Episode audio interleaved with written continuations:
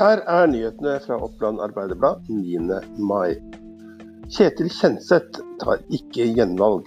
Stortingsrepresentanten fra Venstre kunngjorde dette via Facebook natt til lørdag. Han skriver bl.a. at både gleder og sorger setter spor. Fra 2022 føler jeg det er tida for å bruke erfaringene til å utforske nye utfordringer. Samtidig skal en ny kandidat få muligheten til å prege både Venstre, Innlandet og Norge, skriver Kjenseth. Under siste dag i Borgarting lagmannsrett fikk støttegruppa for Farida vite at de får fri rettshjelp. Det har vært trangt i det siste. Vi har levd fra hånd til munn, sier Merete Engan Enersvedt i støttegruppa. At vi nå får fri rettshjelp, betyr at vi plutselig har en god buffer med penger som vi kan putte i et fond til Farida. Støttegruppa har samlet inn eh, i størrelsesorden 200 000 kroner, og pengene skal gå uavkortet til familien. Og Ønsket er at det er et startkapital når familien forhåpentligvis snart får komme tilbake til Dokka i Nordre Land.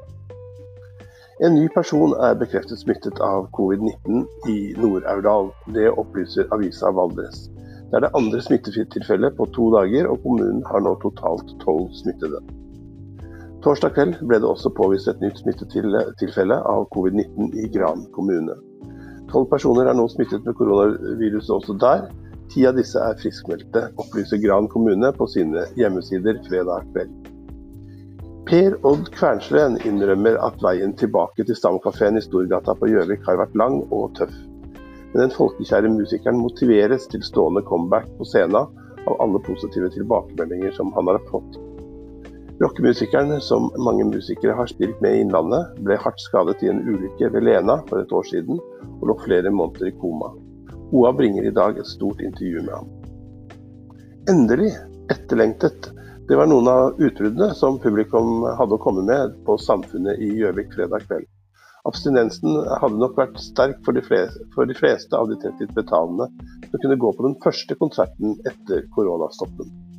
Det de fikk høre, var Halvor Berg, som leverte noe som ifølge kulturjournalist Frode Herman Uioa kan beskrives som en atmosfærisk, melodiøs pop lavmælt og melankolsk uten snev av hengegeite.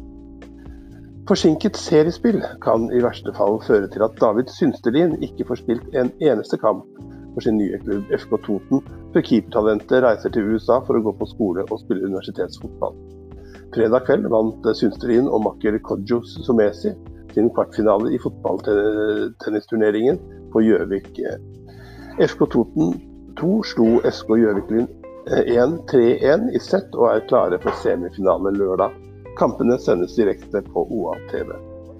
Dette var noen av nyhetene vi hadde i Oppland Arbeiderblad i dag. Du kan lese flere nyheter på oa.no, eller laste ned fra nettet en av våre podkaster. Vi har for øvrig ute en spesial om frigjøringsjubileet nå. Mitt navn er Erik Sønsteby. På gjensyn i morgen.